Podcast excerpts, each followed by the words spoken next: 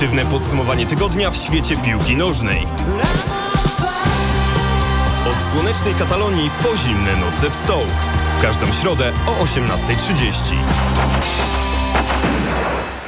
No dzisiaj to podsumowanie dotyczyć będzie tego, co dzieje się nie w Katalonii, nie w Stołku, ale w pięknej Polsce, ale również w słonecznej Brazylii, dlatego że tematem numer jeden dzisiejszego wydania Gramy na aferę jest to, co grzeje całą Polskę w tej chwili, e, czyli temat odejścia Paulo Souzy. W tym temacie informacje spływają właściwie z minuty na minutę. My tę audycję mamy w środę o godzinie 18.30, co nie jest zaskoczeniem dla słuchaczy, którzy w, te, którzy w tej chwili słuchają nas w radiu, ale może być e, delikatnym dla tych, którzy słuchają tego później na Spotify'u.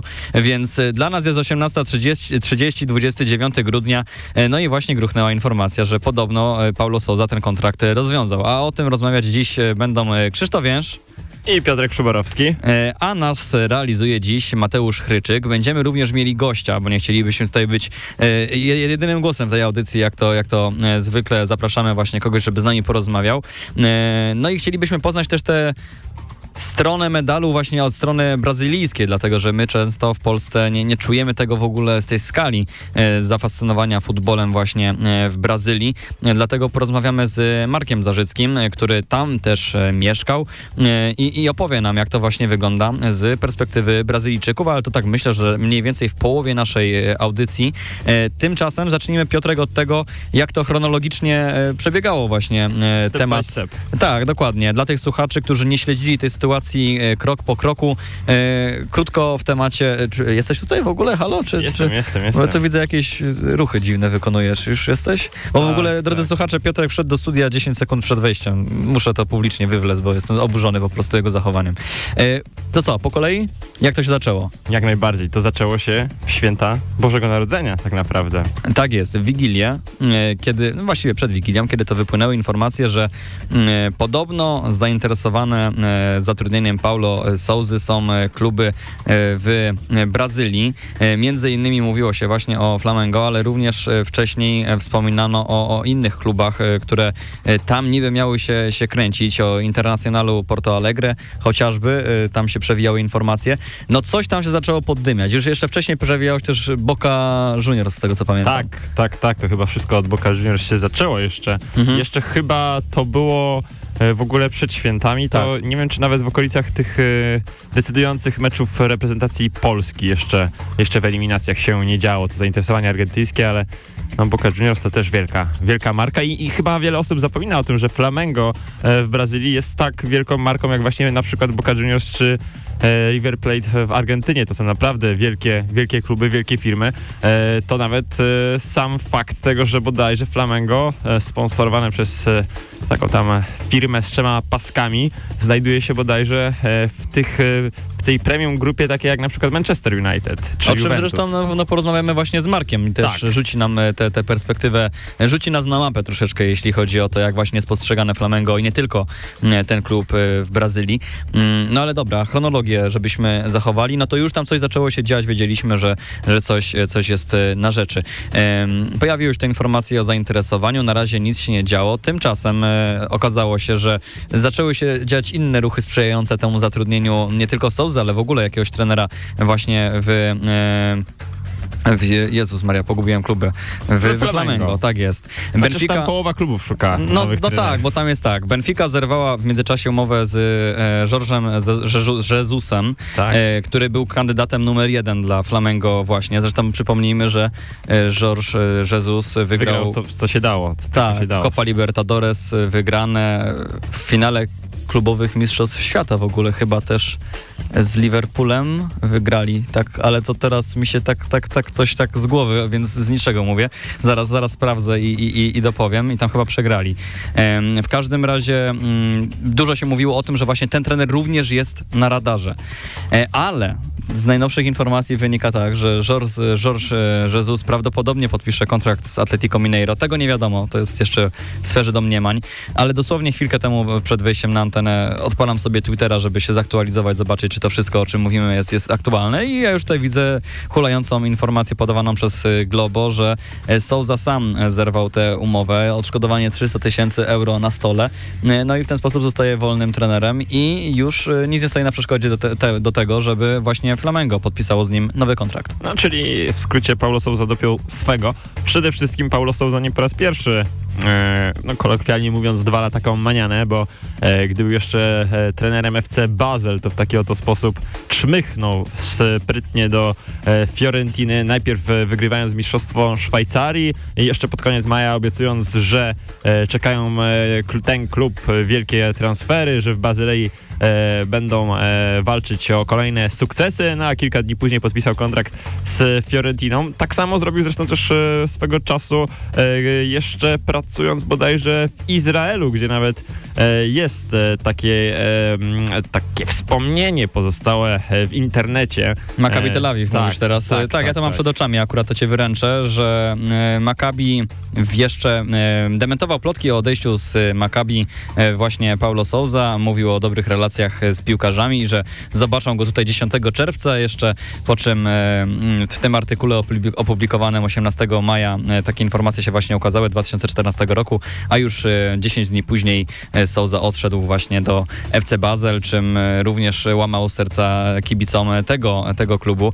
Czy łamał serca? No właśnie, troszeczkę e, poleciałem chyba za daleko z tym łamaniem serca, bo to bardziej e, pokazał mm, już wtedy, jakim jest trenerem, jakim jest człowiekiem i, i, i jakie wartości mu przyświecają chyba e, podczas wybierania kolejnych klubów. Kupcy, kupcy, kupcy.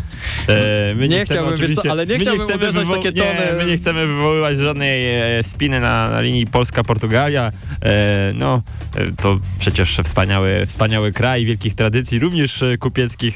To oczywiście bijemy do różnego rodzaju głosów, które też w trakcie tych świąt ze strony różnych Mavenów napływały w sprawie, w sprawie właśnie Paulo Souzy i całej tej, tej sytuacji. No, mm, Ta sytuacja, bez- tak swoją drogą jeszcze, że, że się wtrącę, fajnie nam oddzieliła, znaczy oddzieliła, pokazała troszeczkę e, poziom Nasze dziennikarstwa sportowego, to swoją drogą, ale dziennikarstwa sportowego w Polsce też, bo e, nie chcemy tutaj nikomu kadzić albo kogoś ganić, no bo przecież my to jesteśmy tutaj drobne żuczki, ale e, no ale świetnie rozegrany temat i, i mnóstwo informacji z pierwszej ręki właśnie od e, Tomasza Ćwiąkały. Tomasz I- Szczękała czad, tak no i zwany. to jest giga chat. I, i, I tak wam możemy powiedzieć, że mm, staramy się bardzo, żeby z panem Tomkiem porozmawiać na naszej audycji i myślę, że jak pan Tomek trochę będzie miał Jeśli więcej pan Tomek czasu, to tutaj teraz słucha, i, to... jesteśmy posłowie, panie Tomku, to zapraszamy cieplutko, ale to, to pewnie kwestia e, najbliższych tygodni, niemniej... Ale, ale to jesteśmy tak posłowie, jak e, posłowie, zdaniem niektórych mediów, e, ten e, Paulo Souza był z tym Flamengo już wcześniej, czy, Bardziej czy jesteśmy jesteśmy tak posłowie. posłowie, jak, e, jak uważali inni polscy dziennikarze, że jednak tego kontraktu wcale nie będzie Nie, to, to- są plotki. To my jesteśmy tak już w sferze poza plotkami, ale, ale jeszcze mało konkretnie, więc, więc tak wydaje mi się, że coś pomiędzy. W każdym razie, no, no tak, jak, tak jak właśnie mówisz, dużo było domniemań, e, no ale jednak to sam Paulo Souza zasiewał taki ferment i zupełnie nie rozumiem jakby jego mm, To zdjęcie z podejścia. E, tak, no to właśnie, zdjęcie, zdjęcie, które wrzucał na Twittera, uspokajał jego, również jego agencja menedżerska uspokajała, że przecież nic się nie dzieje, w ogóle ludzie, co wy robicie za raban w święta i, i, i po co w ogóle to komu? E, Udzielał przecież tych wywiadów u Sebastiana Staszewskiego, udzielał wywiadu Romanowi Kołtoniowi, mm, mówił, że kocha Polskę i Polaków przecież, no to kurczę, o co chodzi i dlaczego, e, po co w ogóle te słowa, skoro koniec końców ta sytuacja tak się, tak się właśnie domyka? No tak, rzeczywiście ten związek nie kończy się e, tak jak mógł, tak na pewno jakby obie te strony chciały. E, wydaje mi się, że e, pewnie jednym z największych wygranych e, tego całego zamieszania będzie prezes PZPN Cezary Kulesza, bo da mu to taki dość mocny firmament pod, pod tym nowym projektem, który on już będzie, będzie tworzyć. Jest to też takie pewne przycięcie tej linii z, z, z kadencji jeszcze, jeszcze Zbigniewa Bońka. Tak, e, który zresztą też wypowiadał się, e, no wypowiadał się, chociaż myślałem, że się wypowiem ostrzej Zbigniew Boniek e, po tym, co, co zrobił Paulo Souza. Też się pojawiały takie zarzuty, oczywiście my nie mamy wglądu w, w umowy, jakie są podpisane między PZPN-em a Paulo Souzą, chyba, że coś zaraz się... Tak, tak, dokładnie. No ale jednak dużo wskazuje na to, że tam zabezpieczenia zbyt dużego nie było. Też wiadomo, że, że jeśli jest zabezpieczenie w jedną stronę, czyli jeśli to federacja zabezpiecza się przed tym, żeby trener w ten sposób nie uciekł od federacji, no to też e, trener ma prawo zabezpieczyć się od tego, żeby nie został zwolniony niespodziewanie. Myślę, że na to raczej sobie nie mogliśmy e, pozwolić, bo mimo wszystko Paulo Souza był troszeczkę kotem e, w worku. I, I nie wydaje mi się, nie chciałbym się tutaj tak właśnie przyczepiać do tego, że nie wiem, nie było jakichś kar umownych, jakichś wielkich klauzuli odstępnego w tej umowie, jeśli tak faktycznie było. No ale tak jak zdążyliśmy wspomnieć na wstępie, na razie odszkodowanie 300 tysięcy euro podobno jest na stole. Śmieszne pieniądze, mówiąc szczerze. Po tym, co robi Paulo Souza, to myślę, że to się będzie kończyło w sądach pewnie. Jeszcze e, jakieś postępowania z e, UEFA w tle. Ja tak tylko tutaj szybko sprawdzałem, e, Krzysztofie, w gwoli ścisłości. E, tak, Liverpool wygrał wówczas ten finał klubowy Mistrzostw Świata z Flamengo. Tam była dogrywka Po chyba. dogrywce Tak. Roberto Firmino, Okej, notabene okej. Brazylijczyk. Już, już aż, tak, aż, tak, aż tak bardzo nie pamiętałem, ale tak coś, coś mi Ale tak widzę, dzwoniło, ale nie wiedziałem, w którym kościele. Lubisz takie katarskie turnieje? Nie, nie, nie oglądałem właśnie, żeby było śmiesznie tego turnieju. Gdzieś mi to po prostu tak jakoś utkwiło, jak zobaczyłem Flamengo, to tak mi się szufladka w mózgu otworzyła. Mm, w każdym razie, jeśli chodzi właśnie o ten wątek brazylijski, to porozmawiamy za chwilkę z Markiem Zarzyckim, a jeszcze sobie chwilkę później podsumujemy to, czy można to w ogóle było przewidzieć, ale to może Spojrzymy faktycznie... w przyszłość. Tak, spojrzymy w przyszłość, co, co, co może się teraz wydarzyć. Ostatnia audycja w tym roku, więc O, faktycznie, bo to już tak. 29, no tak, rzeczywiście. Powinniśmy zrobić, e, Krzysztofie, w ogóle może w pierwszej noworocznej audycji tak zrobimy e, takie zestawienie, e, jak myślisz, e, czy, co wydarzy się w tym roku i będziemy odpowiadać tak, nie i zobaczymy później pod koniec roku, który z nas miał. Nie ma problemu, jak ty to przygotujesz, to bardzo chętnie. A właśnie, jak już poszliśmy w tym kierunku, e, to mm, póki pamiętam, bo zawsze na koniec audycji o tym zapomnę, e, drodzy słuchacze, jakbyście mieli do nas jakieś propozycje właśnie, a czy to tematu, czy to gościa, którego chcielibyście posłuchać, to możecie do nas pisać Listy, na, fejs- na faksy. Facebooku. Tak, możecie pisać listy, Kartki pocztowe. e, gramy na aferę na Mati Facebooku. nam wszystkie otworzy. Więc... Albo Twitter nasz, tam odpisujemy, więc zapraszamy bardzo serdecznie. Tymczasem przerwa na piosenkę i będziemy łączyli się za kilka chwil z Markiem Zarzyckim. Radio Afera, rokowo i alternatywnie. Wracamy do naszego tematu e, tygodnia, tematu świąt, tematu zakończenia tego 2021 roku, a więc do e, Paulo Souzy, jego tego brazylijskiego mezaliansu, tego romansu, w który się on e, wdał. Marek Zarzycki, a więc człowiek doskonale obeznany w tym brazylijskim futbolu, e, mieszkaniec wcześniej tego e, wspaniałego e, kraju, no i przede wszystkim e, osoba, która e, z pewnością dysponuje dużo większą wiedzą na temat futbolu z kraju kawy niż, niż my. Witaj Marku. Witam. E, jesteś e, tutaj dzisiaj e, z nami o tym, by pomówić o tym właśnie całym rozgardiaszu, który wydarzył się wokół Paulo Souzy i reprezentacji Polski, bo mimo, że już jesteśmy kilka dni oczywiście po wypłynięciu tych wszystkich rewelacji, to myślę, że wciąż nie wszyscy zdają sobie sprawę z tego, co na przykład Tomek Ćwiąkała próbuje od kilku dni wytłumaczyć, że Flamengo to naprawdę jest dla Paulo Souzy wielka, wielka szansa. Tak, tak jest? Tak, to jest jeden z największych klubów w Ameryce Południowej. E, W samej Brazylii, która liczy 210 milionów mieszkańców, ma ponad 40 milionów kibiców. E, Więc e, to już pokazuje, jaki ten klub ma potencjał marketingowy, też sportowy, co za tym idzie. Klub, który w tym roku grał w finale Copa Libertadores, niestety przegrali. Dwa lata temu ten, to Copa Libertadores zdobyli. Y, klub, który jest, y, którego wartość jest szacowana na około 500 y, milionów euro. To jest najwyżej wyceniany klub w Brazylii. Więc no to tak powiedzmy porównując do, do sytuacji w Europie, to jakby dostał nasz Paulo Souza ofertę z Realu Madryt. No, czyli e, jednym słowem e, nie można się absolutnie e, dziwić Paulo Souzie, że, że jeśli już taka opcja się, się pojawiła, to skorzystał, e, to zdecydował się z niej skorzystać, ale to też wcale nie jest z tego, e, co my tutaj e, czytaliśmy, co się dowiadywaliśmy, co słuchaliśmy, że Paulo Souza był opcją numer jeden dla, dla, dla Flam, Flamengo, bo z tego co wiemy, chyba ten brazylijski klub chciał iść w innych Portugalczyków. Byle Portugalczyk by tam się nawinął Tak, po tak. prostu. Tak, tak, bo to jest w ogóle taka sprawa, że y, trzy lata temu Jorge Jesus y, został trenerem Flamengo, no i była dosyć, y, dosyć udana y, przygoda, bo zdobyli Copa Libertadores, zdobyli mistrzostwo. Potem Jorge Jesus wrócił do Benfiki y, i tam właśnie w Flamengo nie próbowali jakiegoś trenera zagranicznego, żeby wziąć kogoś spoza tej karuzeli brazylijskiej, tak? Wzięli y, w zeszłym roku Dominika Torrenta, który był y, wcześniej asystentem Guardoli, no ni- niestety to był niezbyt udany yy, związek, tak, on tam odszedł po kilku miesiącach, wzięli Rogerio Seniego, legendę São Paulo, byłego bramkarza, który strzelał mnóstwo bramek. Yy, nie udało im się zdobyć Copa Libertadores, ale zdobyli mistrzostwo. W tym roku trochę gorzej im szło w lidze. Odszedł Seni, przyszedł Renato Gauszo, który trenował wcześniej Gremią, ale mistrzostwa nie zdobyli, przegrali w finale Copa Libertadores i Gauszo odszedł.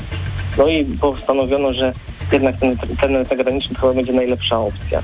Pojawiła się możliwość, żeby Jorge Jesus odszedł z Benfiki i wrócił do Flamengo. Ja tam szczegółów nie znam, ale tam się trochę przyciągało, były problemy chyba z rozwiązaniem kontraktu, no i zaczęto rozważać inne opcje. Był y, Carlos Carvalhały z Bragi, no właśnie tutaj w ostatnim momencie się pojawił również Paulo Sousa. No to chyba tutaj dobra robota menedżera jego. No właśnie, o tą, o, tą, o tą siatkę menedżerską bym cię chciał trochę podpytać, bo e, wydaje się, że to jest właśnie pokłosie tego, że teraz Brazylijczycy, tak jak mówisz, dobrze sobie radzą w e, Brazylii. I, Portugalczycy. E, przepraszam, tak, Portugalczycy dobrze radzą sobie w Brazylii. E, i, I skoro tam Sapinto nawet, z tego co słyszę, jest trenerem, no to kurczę, to, to jest niesamowity hype, że po prostu jak już polecieli przedstawiciele Flamengo właśnie do, do Portugalii, żeby tego trenera ściągnąć, no to chyba już troszeczkę nie chcieli wrócić z niczym z e, Europy.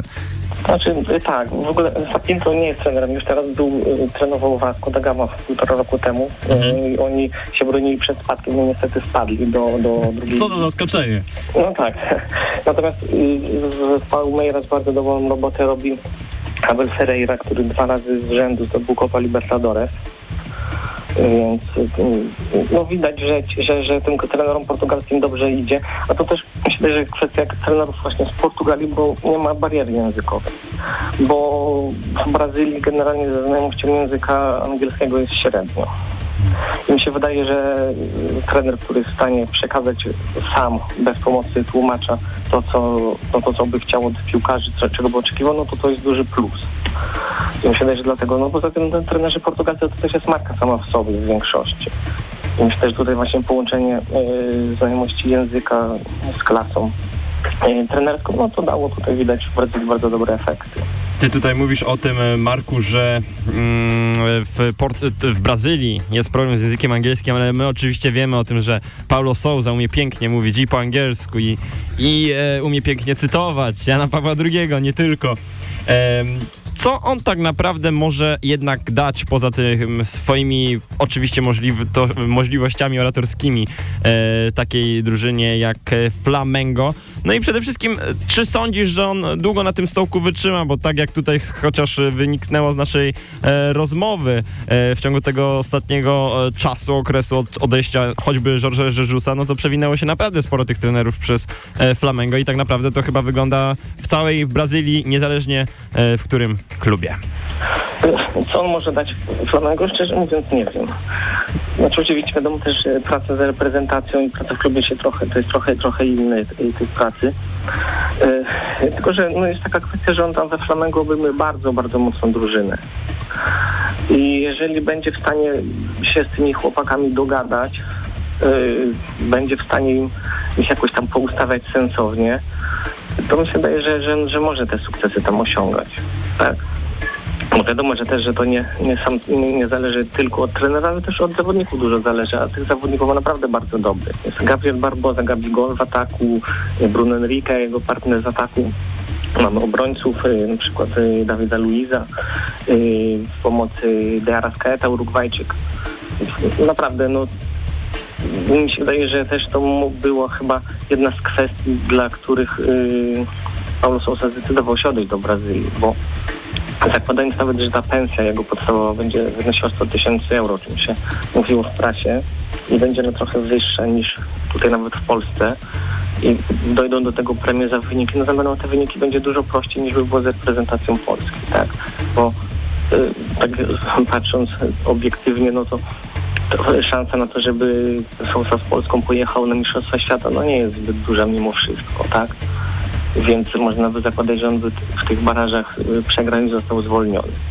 Więc jeżeli w tym momencie pojawiła się opcja pracy dla takiego klubu jak Flamengo, to ja absolutnie się nie dziwię, że skorzystał z możliwości odejścia. Troszeczkę tak poszliśmy w tonę usprawiedliwienia Paulo, Paulo Souza, ale może to i dobrze, że nie jesteśmy bardzo określeni w jednym kierunku, nazwijmy to. E, ale Marku, chciałbym cię zapytać też o rzecz, którą na pewno obserwowałeś mieszkając w Brazylii. Mm, czy Paulo Souza myślisz, ma świadomość tego, w jakie środowisko się, się pcha? Mówisz o tym, że jeśli będą wyniki, to być może Paulo Souza będzie miał e, korzystniejsze warunki finansowe, ale też z drugiej strony, jeśli tych wyników e, chwilkę chociaż nie będzie, jeśli tam się natrafi na e, kilka porażek z rzędu, no to już pieniędzy może nie być wcale, bo kontrakt może być po prostu rozwiązany. Ta gorąca brazylijska krew to jest fakt, czy to jest mit? Jak to wygląda z twojej perspektywy? Znaczy to jest fakt, tak? tylko że jeżeli chodzi o, o, o kluby w Brazylii, no to trochę się zmieniło w ciągu ostatnich kilku lat, że zaczynają te kluby być zarządzane w trochę już bardziej profesjonalny sposób. Trenerzy są często też zwalniani, tak zależy od sytuacji, ale generalnie widać, że y, dostają trochę więcej szans. Chociażby przykładem jest y, Jose Rieseni we Flamengo y, półtora roku temu, kiedy on przyszedł w połowie sezonu. No trochę tam szło mu lepiej, gorzej i w ostatnim meczu sezonu zdobył mistrzostwo, gdzie go tam już chyba ze trzy razy wcześniej miano zwalniać podobnie. Więc na pewno to jak przy przytrafieniu jakieś tam dwie, trzy porażki z rzędu, to to myślę, że sądy nie zwolnią. Natomiast gdyby to faktycznie im nie szło jakoś za dobrze, to ona się spodziewa, że, że, że y, się klub z nim pożegna. No teraz będziemy mieć na początku roku mistrzostwa stanowe, więc myślę, że tutaj dla nich priorytetem będzie, żeby je wygrać, przygotować się dobrze do drugiej części sezonu, czyli do mistrzostw krajowych. Będzie też już w tym w marcu chyba, czy, czy w lutym się zaczyna Copa Libertadores. Właśnie, y, Marku, y, rozjaśnij troszeczkę właśnie, jak wyglądają te rozgrywki w Brazylii, bo myślę, że to też wielu słuchaczy nie ma tej świadomości, że właśnie to jest podział na te najpierw rozgrywki stanowe, później e, krajowe. Jak to, jak to przebiega? Tak, ligi, stano, ligi stanowe, czyli tak, każdy stan ma y, swoje rozgrywki, tam jest, tam bodajże są po, po 3-4 klasy, tak? Pierwsza, mhm. druga, trzecia, czwarta liga. Natomiast y, rozgrywki krajowe to jest y, też seria A, B, C, D. I kwestia jest taka, że kluby, które grają y, w rozgrywkach krajowych, czyli w serii C, B, A, tak, to one jakby się nie liczą y, y, w, y, w tabeli końcowej lig stanowych, jeżeli chodzi o awans do serii D. Mhm. Bo chodzi o to, że zespoły, które zajmą tam jakieś najwyższe miejsca w lidze stanowej, no to automatycznie zyskują awans do serii D. I seria D to bodajże 64 zespoły podzielone tam na kilkanaście grup. No i tylko, które grają tam ze sobą, tak, grupy są czterozespołowe, dwa zespoły dalej wychodzą i grają taką, takie sobie play-offy i czwórka najlepsza awansuje do serii C. Natomiast cała reszta jakby spada i mogą sobie najwyżej przez rozgrywki stanowe w przyszłym sezonie uzyskać do tej serii D awans. Czyli duży przesiew w tak, Serie tak, tak, tak, tak, tak. Natomiast są stany piłkarsko słabsze gdzieś na północy czy na północnym wschodzie Brazylii, gdzie y, no, zespoły za bardzo sobie nie radzą y, w tych rozgrywkach krajowych. Tam grają w tym Serie D, potem spadają po sezonie, więc dla nich taki udział w tych rozgrywkach stanowych i zwycięstwo to jest naprawdę duża sprawa.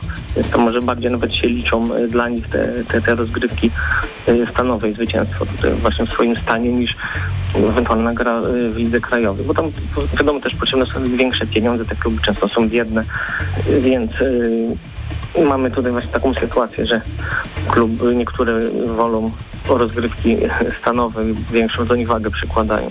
Ale dodajmy, że to czas wielki na zatrudnienie trenera w przypadku Flamengo, bo, bo teraz zaczynają się przygotowania do, tego, do tej pierwszej fazy sezonu. Tak, tak. E, no myślę, że, że no, Flamengo liczy też na zwycięstwo tych rozgrywek. No, łatwo nie będzie, bo Y, mamy też i Fluminense, które no, jest dość, dość mocne. Zobaczymy, jak, jak Botafogo sobie będzie radzić. Mamy też Vasco, które co jest drugoligowym zespołem. I ostatnio czytałem, że po nieudanym y, sezonie, gdzie nie udało się wrócić do serii, a tam zwolnili większość składu. Natomiast zobaczymy, czy, czy kogoś sensownego uda im się zatrudnić, też może się niego liczyć. I poza tym, no, tam grają zespoły właśnie takie duże jak Flamengo czy Fluminense i mniejsze zespoły gdzieś tam spod Rio de Janeiro i to jest często dla takich małych zespołów wielka szansa, żeby się pokazać, żeby wiadomo, pograć sobie z kimś mocnym, yy, zaprezentować się na takiego silnego rywala, na pewno to nie, nie, nie jest łatwo. No to tak na sam koniec jeszcze, e, Marku, naszej e, rozmowy. Gdybyś miał e, krótko odpowiedzieć e, tak e, lub nie na pytanie, czy Paulo Souza dotrwa do choćby końca tego swojego pierwszego sezonu we Flamengo, to ta twoja odpowiedź brzmiałaby? Y, tak. Czyli optymistycznie. Tak, myślę, że to, to mimo wszystko no, to nie jest jakiś trener, który zupełnie się nie zna na swojej robocie. Tak? Czego by o nim nie mówić, to a, a skład ma tak mocny, że według mnie powinien sobie jakoś tam poradzić. No chyba, że dostanie ofertę z Kataru, no to, to, to wtedy może się sytuacja zweryfikować. Wielkie No, dzięki Marku e, za, za rzucenie nam tej obrazu na tą brazylijską e, piłkę. E, Ślicznie dziękujemy. Marek Zarzycki był naszym gościem. Śliczne dzięki. Mm, Dziękuję. Dzięki. Marku. My będziemy tę audycję teraz domykali wątkiem tego, co po Souzie się wydarzy, no bo skoro wiemy już, że... No inaczej, e, Związek wydał oświadczenie, którego praktycznie mogłoby nie być. Widziałeś to oświadczenie? Fantastyczne. Może nawet przeczytam dla tych słuchaczy, którzy nie widzieli. W Tak, dniu niech to będzie 29 grudnia 2021 roku odbyło się nadzwyczajne posiedzenie Zarządu Polskiego Związku Piłki Nożnej poświęcone w całości omówieniu sytuacji z, po, związanej ze współpracą z selekcjonerem Paulo Souzą. Treść właściwa tego oświadczenia, moi drodzy, Polski Związek Piłki Nożnej informuje, że w trosce o przebieg rozmów prowadzonych w tej sprawie do odwołania nie będzie udzielał dalszych komentarzy. Dziękuję, koniec. więc, więc fantastyczne oświadczenie. Wiemy ze strony związku, że nic nie wiemy w takim razie, no ale skoro no, musi ta, ta, ta przygoda Souzy się zakończyć, to jest właściwie pewniak. Kto w takim razie, panie Piotrze? No, obie kandydatury w przeszłości związane z poznańskim futbolem, e, te oczywiście po, najpoważniejsze, a więc Czesław Michniewicz, a więc Adam Nawałka, a więc e, swoisty e, last dance e, Adama Nawałki, czyżby, czyżby? No, zdaniem Bugmacherów to właśnie były e, ex-selekcjoner e, jest najbliżej ponownego objęcia e, posady właśnie selekcjonera, ale ponoć stawia warunki, a właściwie jeden warunek. Jak pan na Horny teraz powiedziałeś z, z tymi bukmacherami. No jaki, jaki warunek? Słuchaj. No ten warunek jest taki, że e, maksymalnie przyjdzie tu na dwa mecze, a więc na e, spotkania barażowe, a potem reprezentację ma czekać kolejny selekcjoner i to e, I tak się będziemy jesienią. kulać, prawda? Więc, Tak. więc będzie ciekawie, będzie ciekawie. Myślę, że to nie ostatnia audycja, kiedy omawiamy wątek selekcjonera e, reprezentacji Polski, no ale ostatnia w tym roku. Na pewno ostatnia w tym roku. Dziękujemy drodzy słuchacze, że byliście z nami w tym roku 2021 Życzymy szczęśliwego nowego roku, i mamy nadzieję, że słyszymy się emocji, w przyszłym roku, e, że słyszycie się z nami, e, że słyszycie się że z nas naszą nie audycją, zdejmą. że nas nie zdejmą, tak, bo to żana duwer Sami się robimy oczywiście. Dziękujemy ślicznie. E, Krzysztof Więż. Piotrek Przyborowski. Realizował nas Mateusz Chryczyk. Do usłyszenia za tydzień. Subiektywne podsumowanie tygodnia w świecie piłki nożnej. Od słonecznej Katalonii po zimne noce w Stołk. W każdą środę o 18.30.